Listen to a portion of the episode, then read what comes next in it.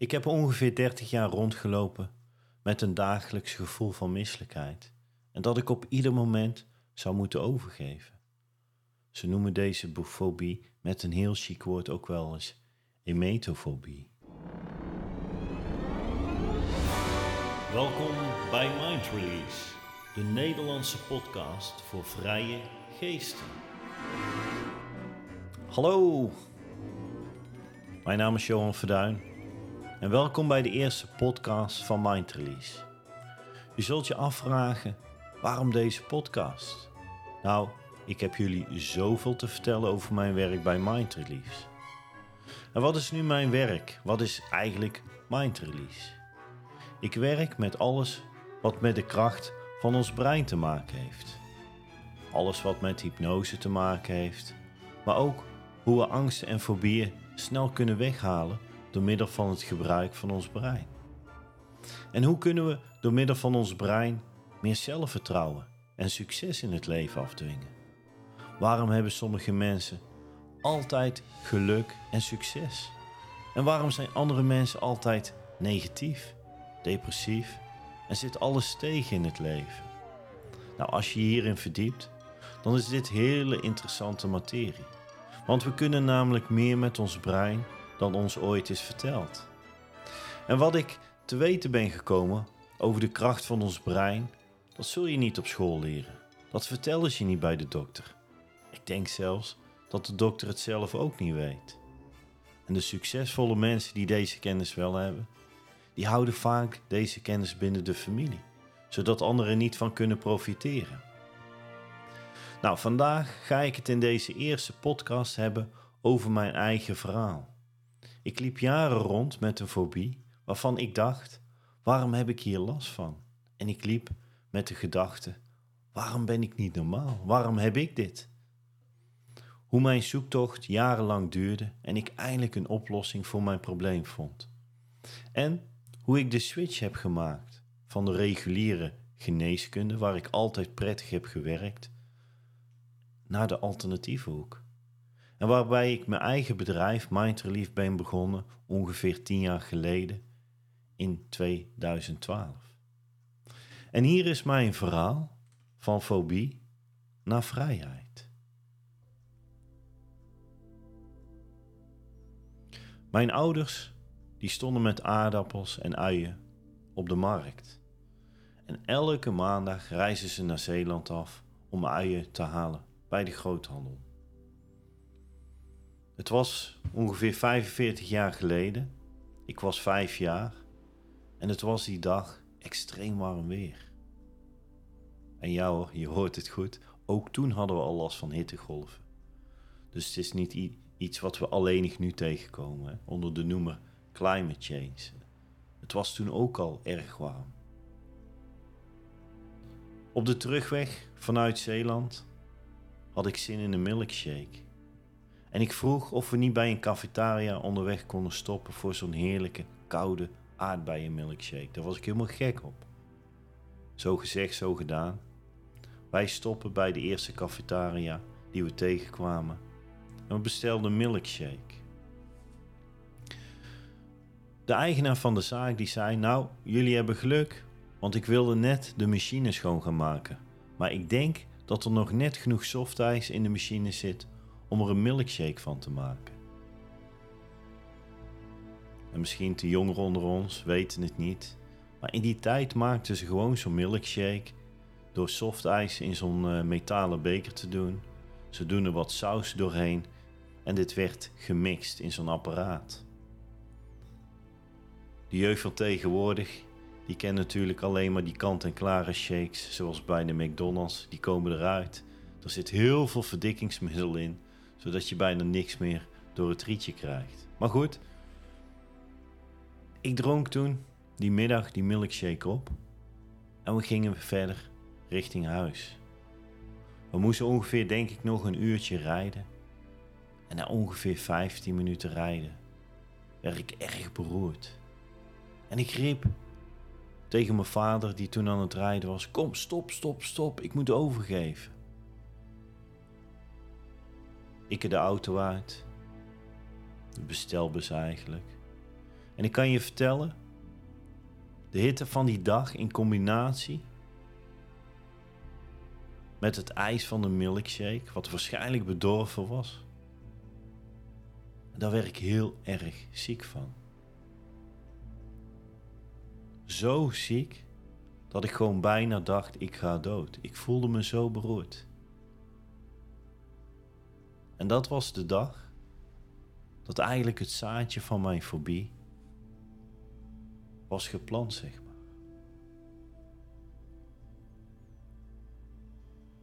We moesten ongeveer nog drie kwartier rijden voordat we thuis waren.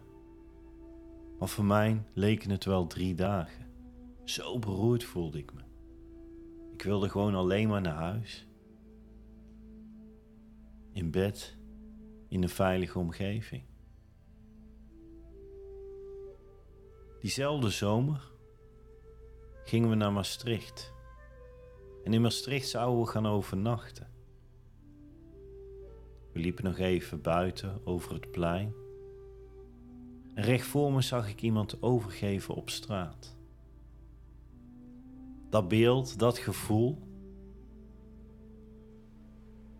riep gelijk weer dat moment terug van die milkshake. Direct kwam dat nare gevoel weer terug van die milkshake. En ik voelde me weer zo beroerd dat ik eigenlijk weer direct naar huis wilde, naar die veilige omgeving. Maar ja, we moesten nog anderhalf uur rijden. En het rare was dat ik in Maastricht helemaal niks geks had gegeten. Of dat het ergens vandaan moest komen. Kijk, met die milkshake was te begrijpen. Die meneer wilde die machine schoonmaken. En waarschijnlijk ja, hadden er te veel bacteriën in gezeten, waardoor ik ziek werd. Maar dat was in Maastricht helemaal niet het geval.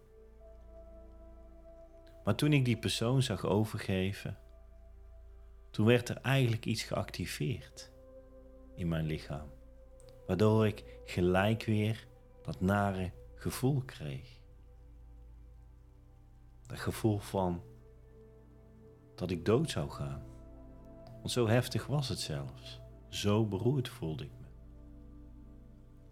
En mijn gedachten die zeiden natuurlijk wel. Het slaat nergens op, er is gewoon niks aan de hand. Er is niks gebeurd. Het heeft geen reden. Maar mijn lichaam begon op dat moment te reageren. Die zorgde ervoor dat ik zelf misselijk werd, dat ik geen zweet ging transpireerde, dat ik weg wilde. En ik had daar totaal geen controle meer over op dat moment.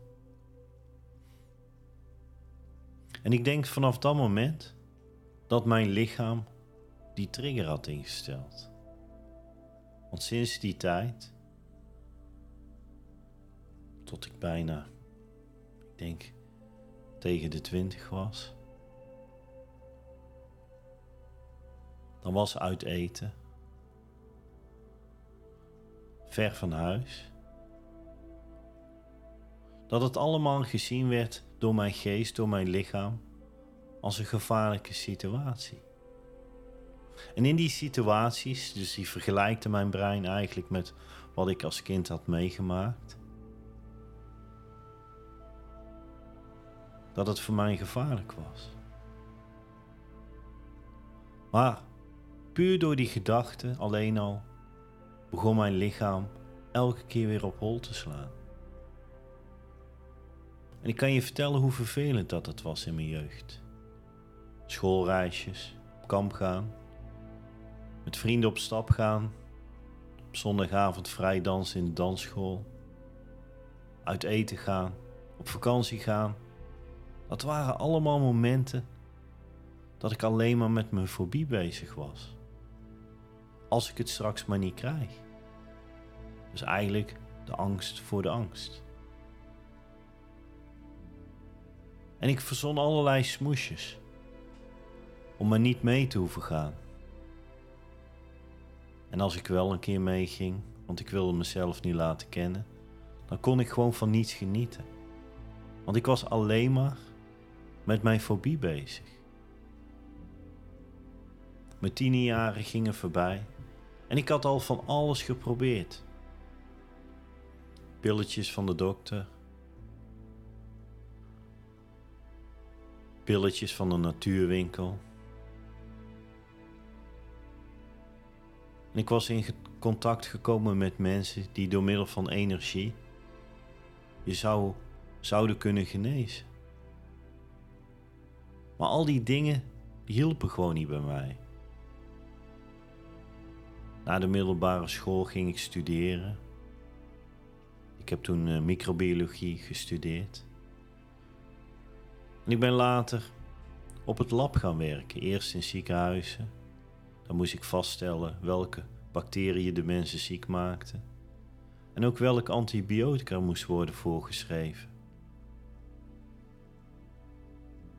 En mijn laatste werk, voordat ik voor mezelf ben begonnen, heb ik voor een farmaceutisch bedrijf gewerkt, wat vaccins ontwikkelde en deze ook produceerde in grote hoeveelheden. In de tijd dat ik in de medische wereld werkte, vond ik de werking van het brein al gigantisch interessant. En ik verdiepte me vooral in het fenomeen placebo-effect. Hoe kan het zijn dat mensen die denken dat ze het juiste medicijn toegediend krijgen of de juiste operatie ondergaan, dat zij spontaan genezen? terwijl het medicijn eigenlijk een soort suikersnoepje is geweest. Of dat ze een nepoperatie hebben ondergaan. In het Elisabeth ziekenhuis in Tilburg hebben ze een onderzoek hiernaar gedaan, naar het placebo-effect. En in een andere podcast zal ik hier verder op ingaan, van hoe ze dat toen gedaan hebben en wat de uitkomst was. Wat voor mij zeer interessant was, dat ik erachter kwam dat als we het brein voor de gek houden, dat dan het lichaam gaat reageren alsof het echt is, of het echt heeft plaatsgevonden. Ik kwam erachter dat het onderbewuste brein niet het verschil kan maken tussen iets wat echt is of iets wat niet echt is. Voor het onderbewuste brein blijkt dat gewoon hetzelfde te zijn. En door dit te ontdekken kwam het fenomeen hypnose op mijn pad. En ik dacht, als dit nou echt is, dat het niet gespeeld is wat je altijd ziet op de tv, dan zou dit wel eens de oplossing voor mijn probleem kunnen zijn. En zo gezegd, zo gedaan, ben ik me gaan verdiepen in hypnose. En heb ik me de technieken van hypnose aangeleerd. En ik kan je vertellen, hypnose werkt. En hypnose werkt zelfs heel krachtig, zeer krachtig. Je kunt met behulp van hypnose contact maken met je onderbewuste brein. En eigenlijk moet je je onderbewuste brein zien als jouw persoonlijke harde schijf. Door middel van hypnose ga je googelen op die schijf waarop heel je leven staat. En eventueel levens hiervoor, voor degenen die daar ook in geloven. Ook kwam ik erachter dat hypnose niet de sleutel is tot succes, maar eigenlijk een onderdeel uitmaakt van het geheel om van mijn fobie af te komen.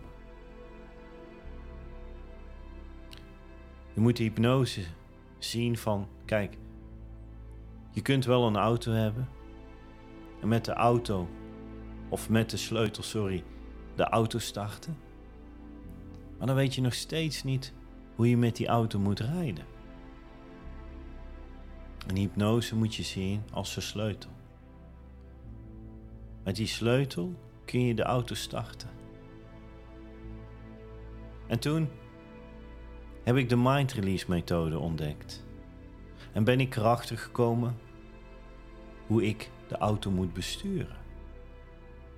Dus hoe ik mijn eigen fobie, waar ik tientallen jaren last van heb gehad, hoe ik die kon oplossen. Dus de combinatie van hypnose, om contact te krijgen met het onderbewuste brein, dus de sleutel, om de auto te starten. En de mind release methode om het probleem op te lossen. Dus hoe ga ik als die auto start? Hoe kan ik het voertuig besturen? En mijn voertuig, voertuig brengen van plaats A naar plaats B. En deze combinatie van hypnose en de mind release methode is eigenlijk een gouden, een krachtige combinatie die je eigenlijk voor alles kan gebruiken. Zo behandel ik mensen met een angst of fobie. Mensen die vroeger of zelfs nu nog worden gepest. En ik kan je echt vertellen, dat hakt erin, in je brein.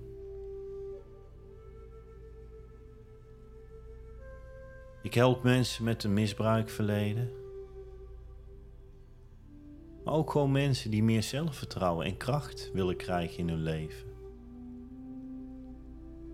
En zelfs kun je met de combinatie hypnose en de mind release methode je brein zo instellen dat deze je helpt met het afvallen. En er komen in mijn praktijk ook mensen die seksuele problemen hebben. En dan moet je denken aan dat een van de partners geen zin meer heeft in seks. Of dat ze een soort fantasie of fetish hebben waar ze eigenlijk met niemand kunnen of durven over te praten. En wat ze soms echt beïnvloedt in hun leven. Ook help ik stelletjes waarbij hun relatie niet goed meer gaat, maar ze toch bereid zijn om aan hun relatie te willen werken. Kortom, met de combinatie hypnose en mind release kun je heel veel doelen bereiken. En het heeft mijn leven, mijn vrijheid teruggegeven, waar ik tot aan de dag van vandaag nog gelukkig mee ben. Want voor die tijd kan ik echt zeggen, was het overleven. Ik leefde niet, ik genoot van niks. En sinds ik door die combinatie hypnose en mind release mijn leven terug heb gekregen, mijn vrijheid, ik ben er tot aan vandaag nog zeer gelukkig mee. Vandaar de titel Van fobie naar vrijheid. Abonneer je dan op dit kanaal en laat een positieve beoordeling en een recensie achter, zodat we nog meer mensen kunnen bereiken. Blijf positief en zelf in controle. Tot de volgende uitzending.